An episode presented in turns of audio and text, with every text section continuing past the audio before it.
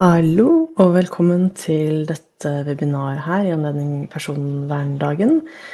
Er, velkommen til deg som er live, og velkommen til deg som ser på dette her i opptak, eh, eller som hører på dette her i opptak. For deg som er her live, eh, dette er da klokka 11 på en søndag, så eh, veldig morsomt å ha deg med. så dette foredraget her, det skal handle om Eh, dette er et gratis webinar som jeg holder i anledning personverndagen. Og det handler om de to tingene du trenger å vite om personvern. Eller de to tingene jeg som personvernrådgiver mener at du trenger å vite. Du som ikke egentlig trenger å vite så mye om personvern, men du må vite akkurat nok til å vite når du kan, må ringe en venn. Så det er liksom hele eh, konseptet for denne personverndagen. Um, og så ser jeg at personverndagen det er den 28., ikke den 27. Men jeg lagde presentasjonen i går. That's why. Um, that's why. Anyways. Ok. Så um, kort om hvem jeg er. Uh, hvis du har meldt deg på, så tror jeg du vet det, men jeg bare sier det likevel. Jeg heter Ida Thorsrud. Jeg er jurist. Jeg er um, Jeg driver med personvern. Det er det jeg driver med. Jeg er en skikkelig personvern-nerd. Du kjenner meg kanskje fra fra LinkedIn, hvor jeg skriver ganske regelmessig om personvern eller andre ting som opptar meg. Mest om personvern. Også litt om perfeksjonisme og people pleasing. Og for tiden så jobber jeg med en eh, stor nasjonal DPIA eh, for Google Workspace for Education. Men la oss gå rett til hva du skal sitte igjen med etter dette foredraget her. Um, det jeg vil at du som hører på dette foredraget skal vite, er at du må ringe en venn hvis du tror at noe ikke er en personopplysning, og hvis du ikke vet hvordan du skal beskytte de personopplysningene dine. Jeg brukte liksom litt sånn tid på å formulere hva jeg vil at du skal sitte igjen med, men liksom en annen måte å si dette her på er at alt er personopplysninger, og personopplysninger skal, skal beskyttes etter risiko. Så hvis du tror at noe noe ikke er en personopplysning, og det er en grunn til å eh, ikke etterleve kravene i GDPR, eller ikke bry seg om personvernregelverket, så må du ringe en venn. Fordi at eh, det må du få verifisert.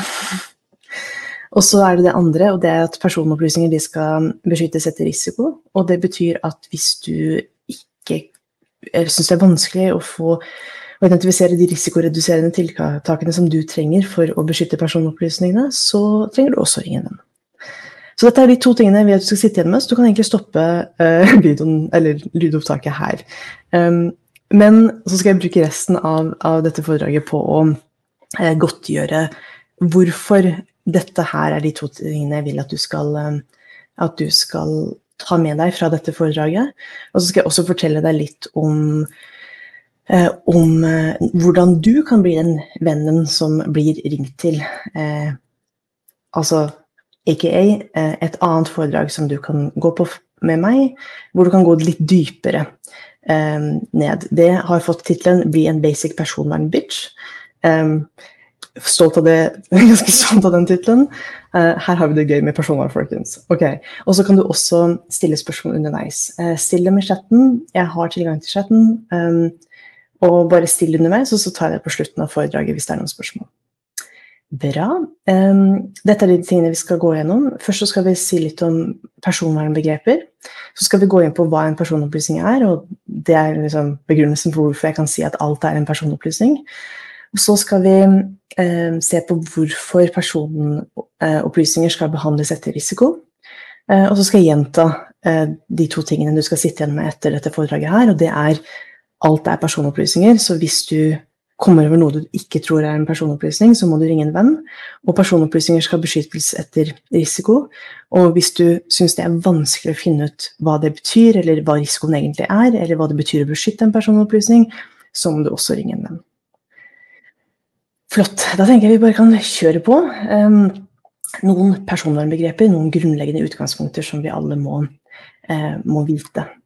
Så hva er personvern? Jo, personvern det er retten til et privatliv og retten til å bestemme over egne personopplysninger. Dette er en uh, grunnleggende menneskerettighet. Uh, det er en rettighet som både er forankret i Den europeiske menneskerettighetskonvensjonen, EMK, artikkel 8, som um, beskytter din rett til privatliv.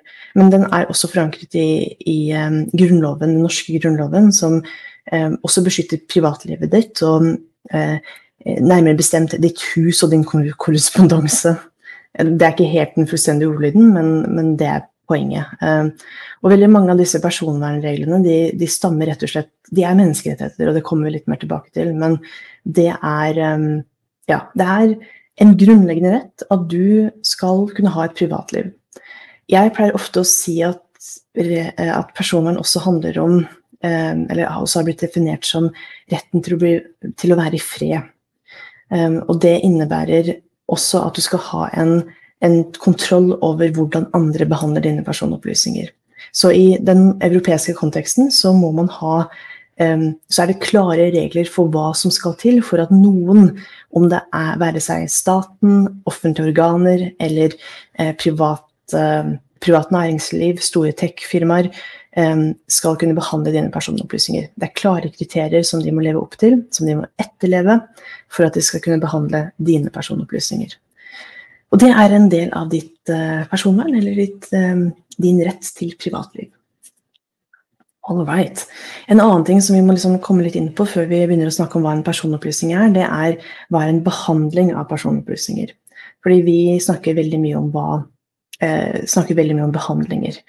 Og det jeg vil at du skal huske på og ta med deg fra dette foredraget, det er at sånn som det aller meste er Altså alt er personopplysninger, så er det aller, aller meste en behandling også. Hvis du har å gjøre med en personopplysning, og du tar på den eh, i metaforisk forstand, så behandler du personopplysninger. Altså, poenget her er at lista for en behandling er veldig, veldig lav. Som du ser på denne lille ordskyen her, så er det veldig mange forskjellige ting. Sletting er på lista. Eh, analyse, tilgjengeliggjøring. Tilgjengeliggjøring er en stor en. Um, Eh, skal vi se, utlevering, sammenstilling, eh, konsultering. Fikk et lite spørsmål. Hvis du har teksting på, så må du skru det av sjæl, for det er eh, per browser. Så du kan gå inn og skru det av selv. jeg har prøvd å skru det av, får ikke skrudd av. All right. Um, poenget her er at det aller, aller meste er en, um, er en behandling. Uh, lesetilgang eller tilgjengeliggjøring er en behandling. Lagring er en behandling. Så En gang så fikk jeg et spørsmål er det behandler vi personopplysninger hvis liksom personopplysningene bare, bare ligger lagret. Um, et sted i backen, men så får, har ikke saksbehandlerne tilgang til personopplysningene. Men, men, de ligger der. Svaret på det er ja, det er en behandling. Så lenge du har og gjør noe, enten aktivt eller passivt med personopplysningene, så er det en uh, behandling. Og akkurat den der passive biten er, er noe som um, er litt vanskelig å forstå. For i ordet behandling så på en måte ligger det at det skal være en aktiv handling. Det trenger det ikke å være. Det kan også være at du um, bare oppbevarer de passivt. All right. Så eh, skal vi over til hva er en eh, personopplysning. Og dette her er litt viktig fordi at eh, hvis noe ikke er en personopplysning, så gjelder ikke personvernlovgivningen eller GDPR, The General Data Protection Regulation. Så det jeg som personvernrådgiver hører en del ganger, det er jammen, jammen, vi behandler ikke personopplysninger, så da trenger vi ikke å eh, bry oss om det du sier, Ida. man folk pleier å være litt mer diplomatiske når de sier det, men det er liksom basically hvorfor veldig mange eh, ender opp med å stille spørsmål ved om noe er en personopplysning. Og for deg som ikke er personvernrådgiver, og som ikke driver med personvern til vanlig, så bør du legge til grunn at alt er en personopplysning. Og det skal jeg komme inn på hvorfor jeg kan si det nå. Så dette her, det er et eh, fødsels- uh, og personnummer. Eller det er et fiktivt fødsels- og personnummer. Og hva det, men det er en tallrekke. Så for deg som ikke vet at liksom et fødsels- og personnummer, en norsk fødsel- og personnummer inneholder jeg tror det er elleve sifre, um, så sier ikke dette her deg noen ting. Men det er en unik identifikator som er knyttet til deg og meg, som er norsk borger og bor i Norge. Eller som har bodd i Norge. Anyways. Men dette, eh, grunnen til at jeg har opp dette nummeret her, det er at det sier deg forskjellige ting. Det, det, ligger mer informasjon her enn at det er et tilfeldig nummer som identifiserer deg. For det første så sier det noe om når du er født. Det, sier, eh, det har fødselsdatoen din. Fødselsdato og året du er født. Eh, så har du personnummeret, som er liksom den siste delen. Den siste delen. Dette kalles for individnummer. Jeg kan ikke nok om dette til å liksom vite, vite, hva det egentlig betyr, men, men, det er noe av det som er inn, altså noen av disse eh, Jeg tror i, i individnummeret så er det en sånn tallkombinasjon som også liksom indikerer hvilket tiår du er født i. Noe sånt. Men det jeg også vil komme til, er at i dette nummeret her så kan du lese mer informasjon. Du kan lese når du er altså, født, og du kan også lese kjønn. Eh, skal vi se um, mm, mm, mm. Ja, nå ser jeg at det ikke er helt uh, Det er det siste, jeg tror det er det siste tallet som er kjønn. Så da Poenget her, du kan lese mer informasjon ut av denne personopplysningen, eller dette nummeret her, enn det, enn det du kunne ved første øyekast. Og det er litt um, det som er um, det er litt det som er poenget med, med, definisjonen av en personopplysning. Fordi en personopplysning det definerer vi som enhver opplysning som um, eh, direkte eller indirekte kan identifisere en person. Og som vi ser så med liksom fødsels- og personnummeret vårt, så kan du indirekte si en del om deg som menneske ut ifra de numrene. Jeg kan, se, jeg kan Eh, jeg kan lese når du er født, og jeg kan lese hvilket kjønn du har ut ifra liksom, um, om det er et partall eller oddetall. Um, ja. Så, uh, så det gjør også at terskelen for hva en personopplysning er, er veldig lav. Ikke sant? Fordi at hvis noe indirekte kan identifisere deg, så uh, er det en personopplysning. Her så har jeg lyst til å si to ting. Og det er at for det første så um, Det med indirekte, der er det to, liksom, det er to ting jeg pleier å, uh, pleier å se på her. Det er Kan du indirekte identifiseres gjennom, um, gjennom et uh, løpetall, f.eks.? Og det andre er jo flere personopplysninger jeg har om deg, jo enklere er det for meg å identifisere hvem du er. Så skal jeg, skal jeg forklare det litt, litt grundigere. Um, du som er ansatt et sted, har kanskje et ansattnummer. Um, det er f.eks. på fire sifre. Hvis jeg hadde fått visst det nummeret, så hadde ikke jeg kunnet, kunnet identifisere deg. Men eh, din jobb har knyttet deg til det nummeret. Så for din arbeidsplass, for din HR-avdeling, uh, eller egentlig for din arbeidsplass generelt, så er det et, en personopplysning om deg. Fordi at det nummeret er knyttet til ditt navn i, hos, på din arbeidsplass så kan du identifiseres via det nummeret. Så når du kan identifiseres via noe annet som er liksom koblet til deg, så f.eks. et løpenummer um, Løpenummer brukes ofte i forskningen, hvor du som eh, individ liksom maskeres bak et nummer. Det er fortsatt en personopplysning så lenge den linken finnes. Så det er det første.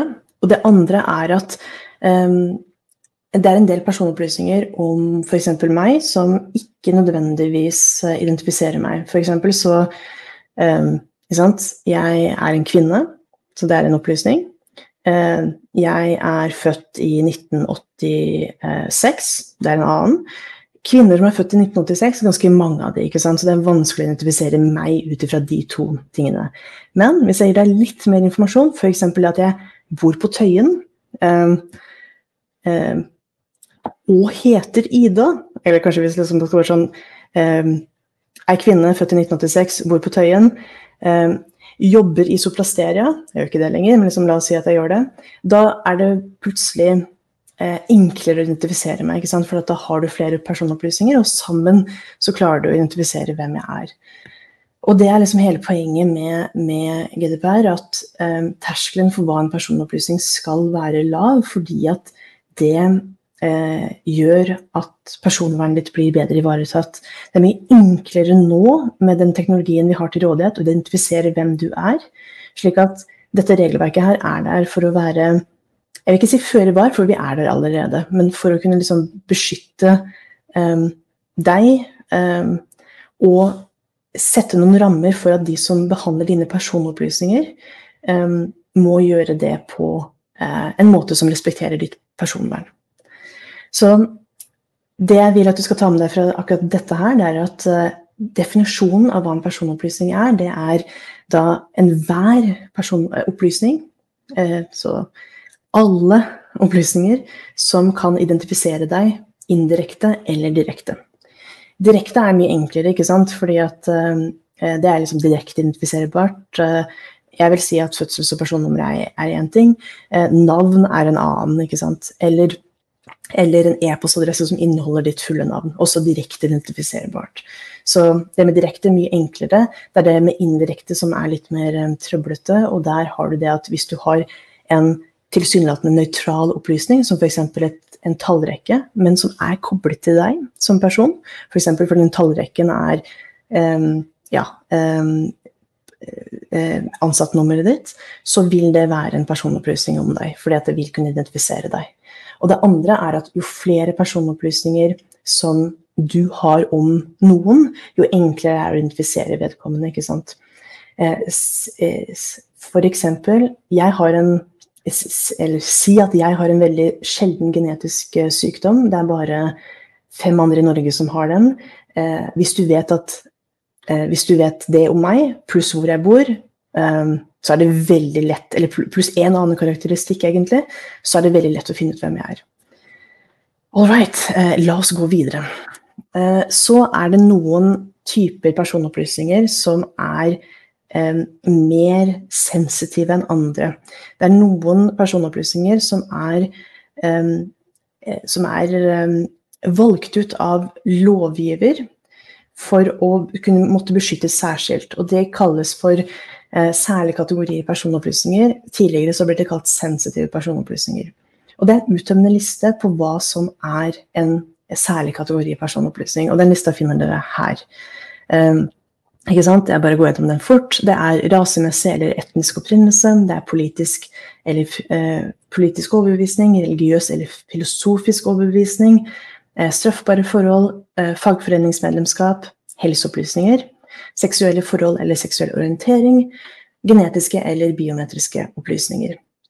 Um, så bare vit at liksom dette Ja, jeg kan jeg hva skal jeg si fordi Jeg prøver å holde dette her kort, fordi at jeg som prøver å tenke på at du, eh, du skal bare eh, Du skal bare trenge det du eh, trenger å vite det du trenger å vite for å ringe en venn. Men la oss liksom dykke litt ned i disse, disse her også. Um, dette er en uttømmende liste med personopplysninger som er uh, hvor du må være ekstra forsiktig når du behandler dem. Utgangspunktet her er etter The General Data Protection Regulation, eller GDPR, at du ikke har lov til å behandle disse personopplysningene her. Og grunnen til det, det er at dette er kategorier som eh, mennesker sånn historisk sett har blitt forfulgt på bakgrunn av. Jeg nevnte innledningsvis at personvern det er, et, eh, det er regler i samfunnet vårt som, er, som, kommer fra menneskerettighetene. Og poenget med menneskerettighetene det er å beskytte deg som individ eh, fra overgrep eh, eh fra staten. Eh, mot overgrep fra, staten.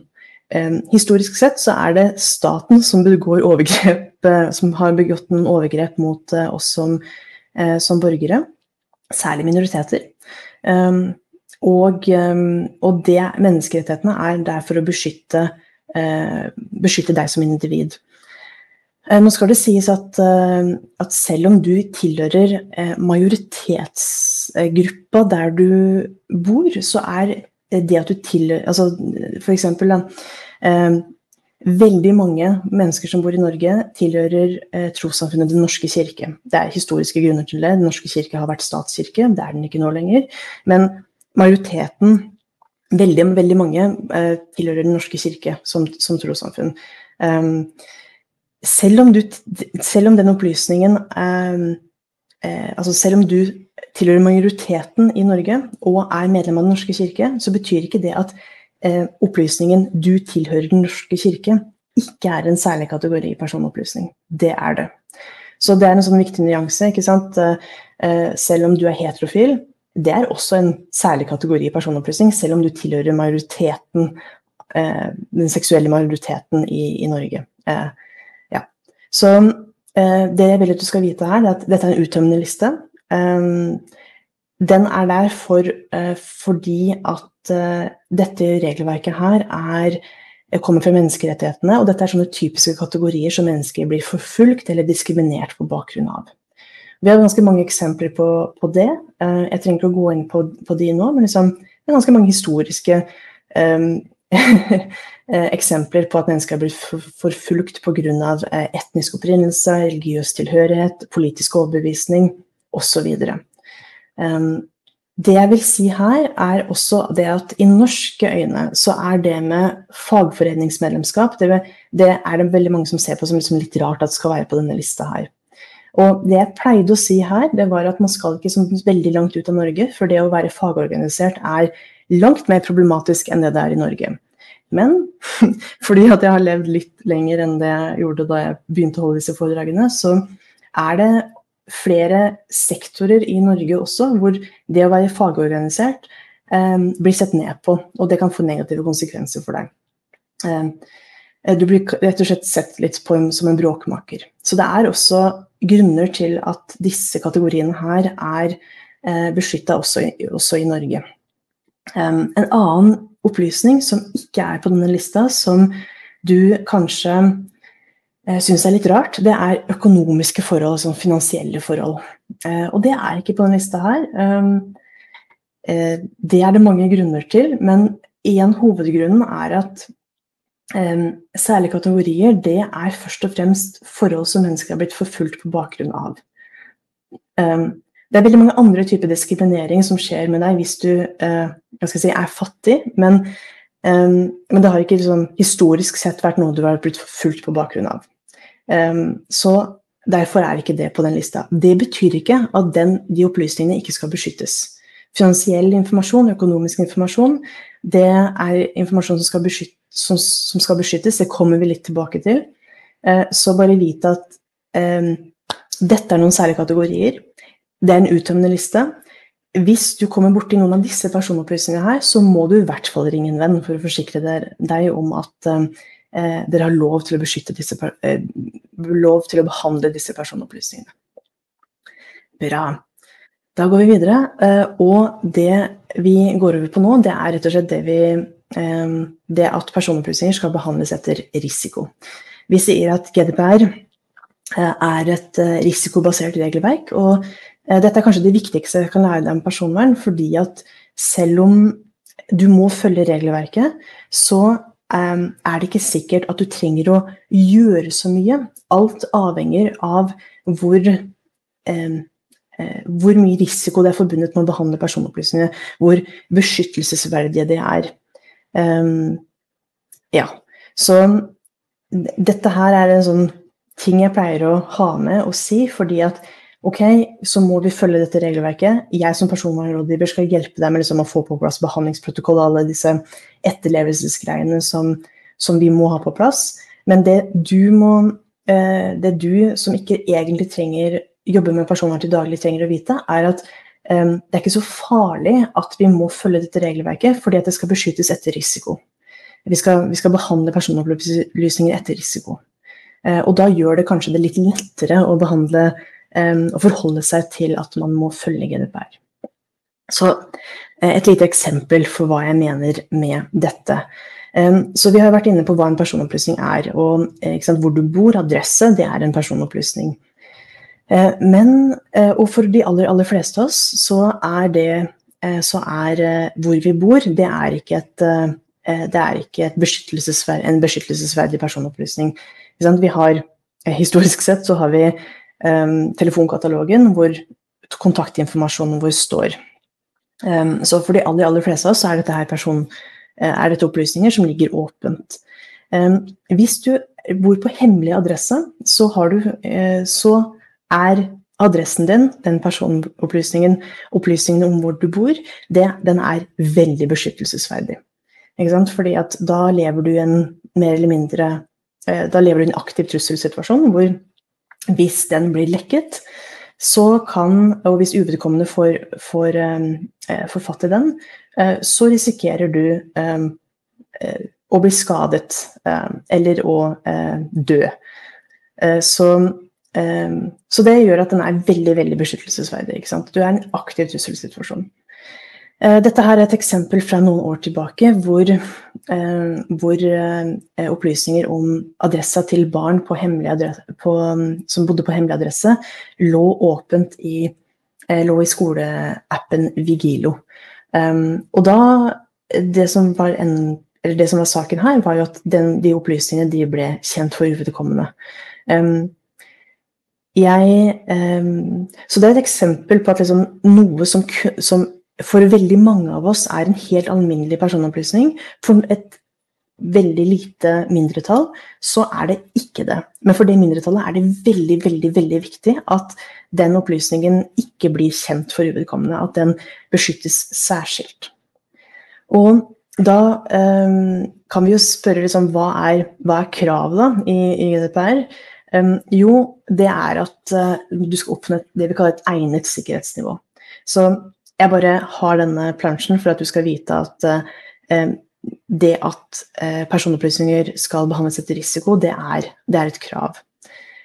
Um, jeg tenker å gå så veldig mye på det, fordi at um, men, men vite at det er rettslig Det er et rettslig det er en rettslig forpliktelse i, i artikkel 32. Ja, du trenger ikke å vite dette her, men jeg er nerd, så da bare jeg det. All right. Så hvordan kommer du frem til hva som er et egnet sikkerhetsnivå? Jo, mest sannsynlig så trenger du å gjøre en risikovurdering. Men det er her du trenger å, å ringe en venn. Fordi at hvis du ikke driver med personvern til daglig, så er det ikke sikkert du vet hvordan du skal gjøre en risikovurdering. Det som er poenget med en risikovurdering, er å se på hva, okay, hvilke personopplysninger er det vi har, hvor mye må vi beskytte dem, hvor, liksom, hvor farlig er de å, å behandle. Um, og da komme frem til risikoreduserende tiltak som du skal iverksette for å redusere risikoen. F.eks. i den, i den Vigilio-eksempelet.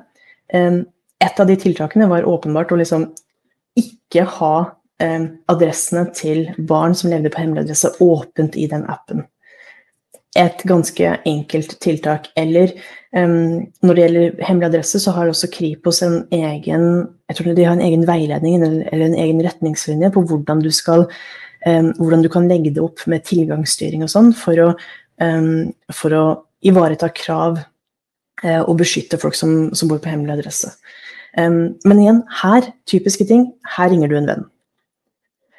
Så det jeg vil at du skal vite, du som ikke driver med personvern til daglig, det er at alle personopplysninger, både de som er særlig kategori, som vi har liksom snakket om, som var helseopplysninger, opplysninger om seksuell orientering, um, politisk overbevisning, um, rasemessig opprinnelse eh, det er, Og alminnelige personopplysninger som hvor du bor, telefonnummeret ditt eh, alle, andre personopplysninger enn de som er, um, de som er, liksom, de som er særlig kategori. Uh, I alminnelige personopplysninger så, så, ligger det også informasjon om sant, finansiell informasjon. Uh, kontonummeret ditt, uh, hva du tjener, den type ting. Alle de personopplysningene de eksisterer på en skala fra lav risiko til høy risiko. Um, lav risiko betyr ofte at det ikke er så veldig eh, far, sånn, eh, farlig om de blir kjent, f.eks. Og da, man, da, trenger man ikke å beskytte de, eh, skal, da trenger man færre tiltak for å beskytte de enn om det er høy risiko. Og, eh, så, jeg, og det, så, så, alle eksisterer på det spekteret. Eh, for særlig kategori så er det en presumpsjon at de har høy risiko. Høy risiko ved å behandle din. Ehm, men også de eksisterer på et spektrum. Men liksom brorparten av eh, personopplysninger i særlig kategori, de er det høy risiko eh, med. Og litt sånn, litt sånn, kan man se om eh, alminnelige personopplysninger. Liksom, de aller fleste alminnelige personopplysningene eh, eksisterer på et sånt spektrum mellom liksom, middels og lav. Det er ikke så veldig mange som det er høy risiko forbundet med, men det er noen. Ehm, F.eks. det med hemmelig adresse. ikke sant? Der er det eh, noen som ehm, Ja, et lite mindretall. Eh, hvis den adressa blir kjent, så er det ganske kritisk. Så det her er, eh, det her er eksempelet. Det med kontaktinformasjon. For de aller, aller fleste av oss så er det at hvor vi bor, eller kontaktinformasjon, det er helt uproblematisk at står oppført i telefonkatalogen helt ok om det blir offentlig kjent. Um, for de aller fleste av oss. Men for de som lever på hemmelig adresse, kjempekritisk. Um, og så finnes det også noen som um, f.eks. pga. Hvor, hvor de jobber, um, om de jobber i politi, forsvar Jeg har også sett liksom at folk som jobber i barnevernet, uh, i en litt sånn um, yrkes, i, yrkes, uh, i yrker hvor man fort kan uh, skal si, bli oppsøkt av, uh, av folk som man ikke har lyst til å bli oppsøkt av, så kan det også være det at så kan det også være grunn til å beskytte Eh, deres eh, kontaktinformasjon og informasjon om hvor de bor. Så det er et annet eksempel på, på at eh, en tilsynelatende alminnelig personopplysning som kontaktinformasjon kan være ganske kritisk, også for folk som ikke lever på hemmelig adresse. Det skal også sies at for å få hemmelig, altså Terskelen for å få hemmelig adresse er veldig høy. Så det er ganske mange mennesker som lever i en trusselsituasjon som ikke får hemmelig adresse. Så det er også noe vi har i bakhodet. Um, ja. Uh, samtidig uh, så uh, gjelder Så er det jo sånn at noen særlige kategorier personopplysninger er mer sensitive enn en andre. Her har jeg prøvd å tatt et eksempel på det. Altså, jeg vil bare understreke at De fleste særlige kategorier personopplysninger eller sensitive personopplysninger høy risiko. Da må du ringe inn den. men jeg vil bare vise deg at det fins også handlingsrom og et spekter de opererer på. Eh, for eksempel, eh, eksempelet jeg har tatt her, det er dåp i Den norske kirke. Eh, for hvis du er medlem av, liksom, av majoritetstrossamfunnet Den norske kirke, hvis du er liksom hvit etnisk nordmann og foreldre, du døpes i Den norske kirke, og så har foreldrene dine de har eh, sagt samtykka til at det er greit at informasjon om at du blir døpt, det eh, publiseres i det lokale menighetsbladet. Det er koselig. Da vet alle at du har blitt døpt, det er en fin tradisjon. Ikke sant? Lav risiko. Um, veldig lav risiko å være, være aktivt uh, synlig um, eh, kristen, eller synlig liksom, at du har døpt barnet ditt i Den norske kirke. Lav risiko. må samtykke, selvfølgelig, men liksom, utgangspunktet lav risiko.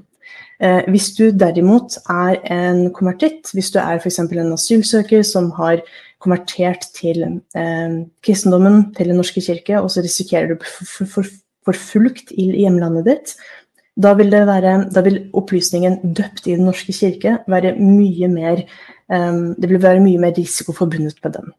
Så, um, så ikke sant Eksisterer på et spektrum.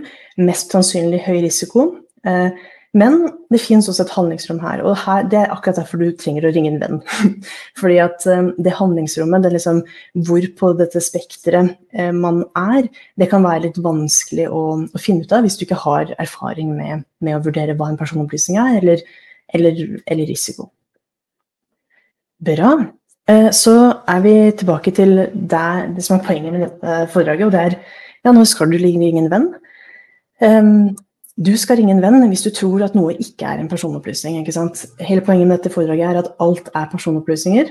Det er ikke helt sant, men sant? du trenger å ringe en venn for å finne ut av um, om noe ikke er en personopplysning. For terskelen for hva en personopplysning er, er lav. Det aller, aller meste er en personopplysning.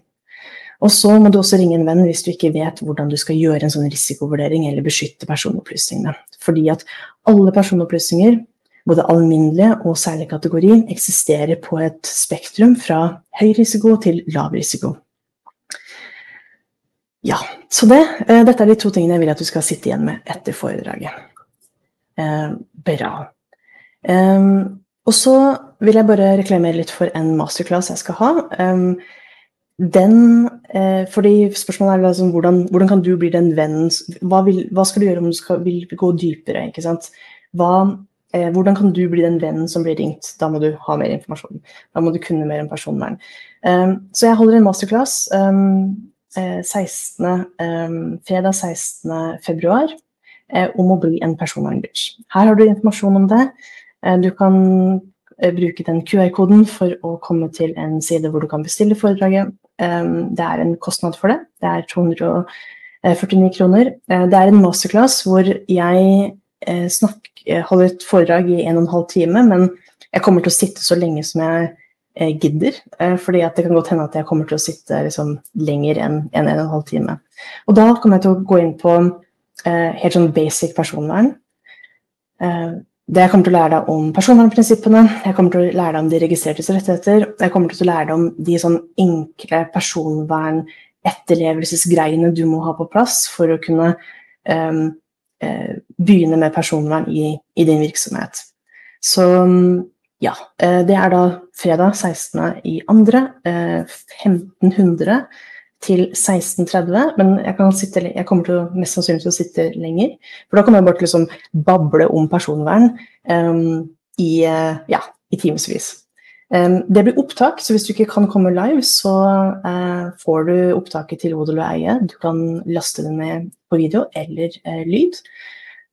Og du kan også, det som er fint med å komme live, er at da kan du stille meg spørsmål underveis. Så jeg kommer bare til å ta spørsmål underveis i den i den liven.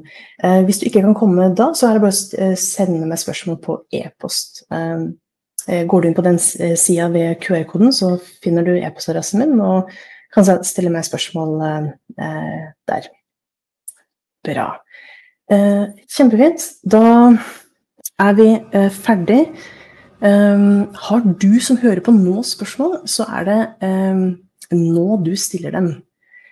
og så skal jeg bare se om det har kommet inn noen spørsmål som jeg ikke ser via via. Du, du, du. Um, skal vi se mm Jeg ser ikke andre spørsmål enn uh, det spørsmålet med slå av tekstingen, så um, så det er jo fint. Det betyr jo at alt er såre vel. Um, uh, bra. Yes. Da tenker jeg egentlig at jeg tar og bare um, gjentar det jeg vil at du skal sitte inn med dette foredraget her. Og det er at alt er en personopplysning. Igjen, det er ikke helt 100% sant, men du må ringe en venn for å finne ut av om, om det er det eller ikke. fordi at du driver ikke med personvern til vanlig, så Um, og refleksen din vil være at noe ikke er en personopplysning, for da slipper du å forholde deg til GDPR. Um, det hadde vært enkelt om det var sånn, det er ikke fullt så enkelt i virkeligheten. Så hvis du tror at noe ikke er en personopplysning, ring en venn. Uh, og så er det det andre du må vite, og det er at personopplysninger skal, de skal behandles etter risiko. Så um, for å finne ut hva den risikoen er, og hva du trenger å gjøre for å kunne beskytte Eh, personopplysningene, så må du som regel gjøre en risikovurdering. Det kan være litt vanskelig. Også et tidspunkt hvor du ringer en venn. Kjempefint. Eh, da ser jeg ikke at det er kommet inn noen spørsmål, så jeg avslutter. Eh, ha en riktig god dag. Ha en riktig god personverndag. Og til deg som har vært med live, veldig gøy at du kom på en tidlig en søndag morgen. Få gjensyn. Ha det bra.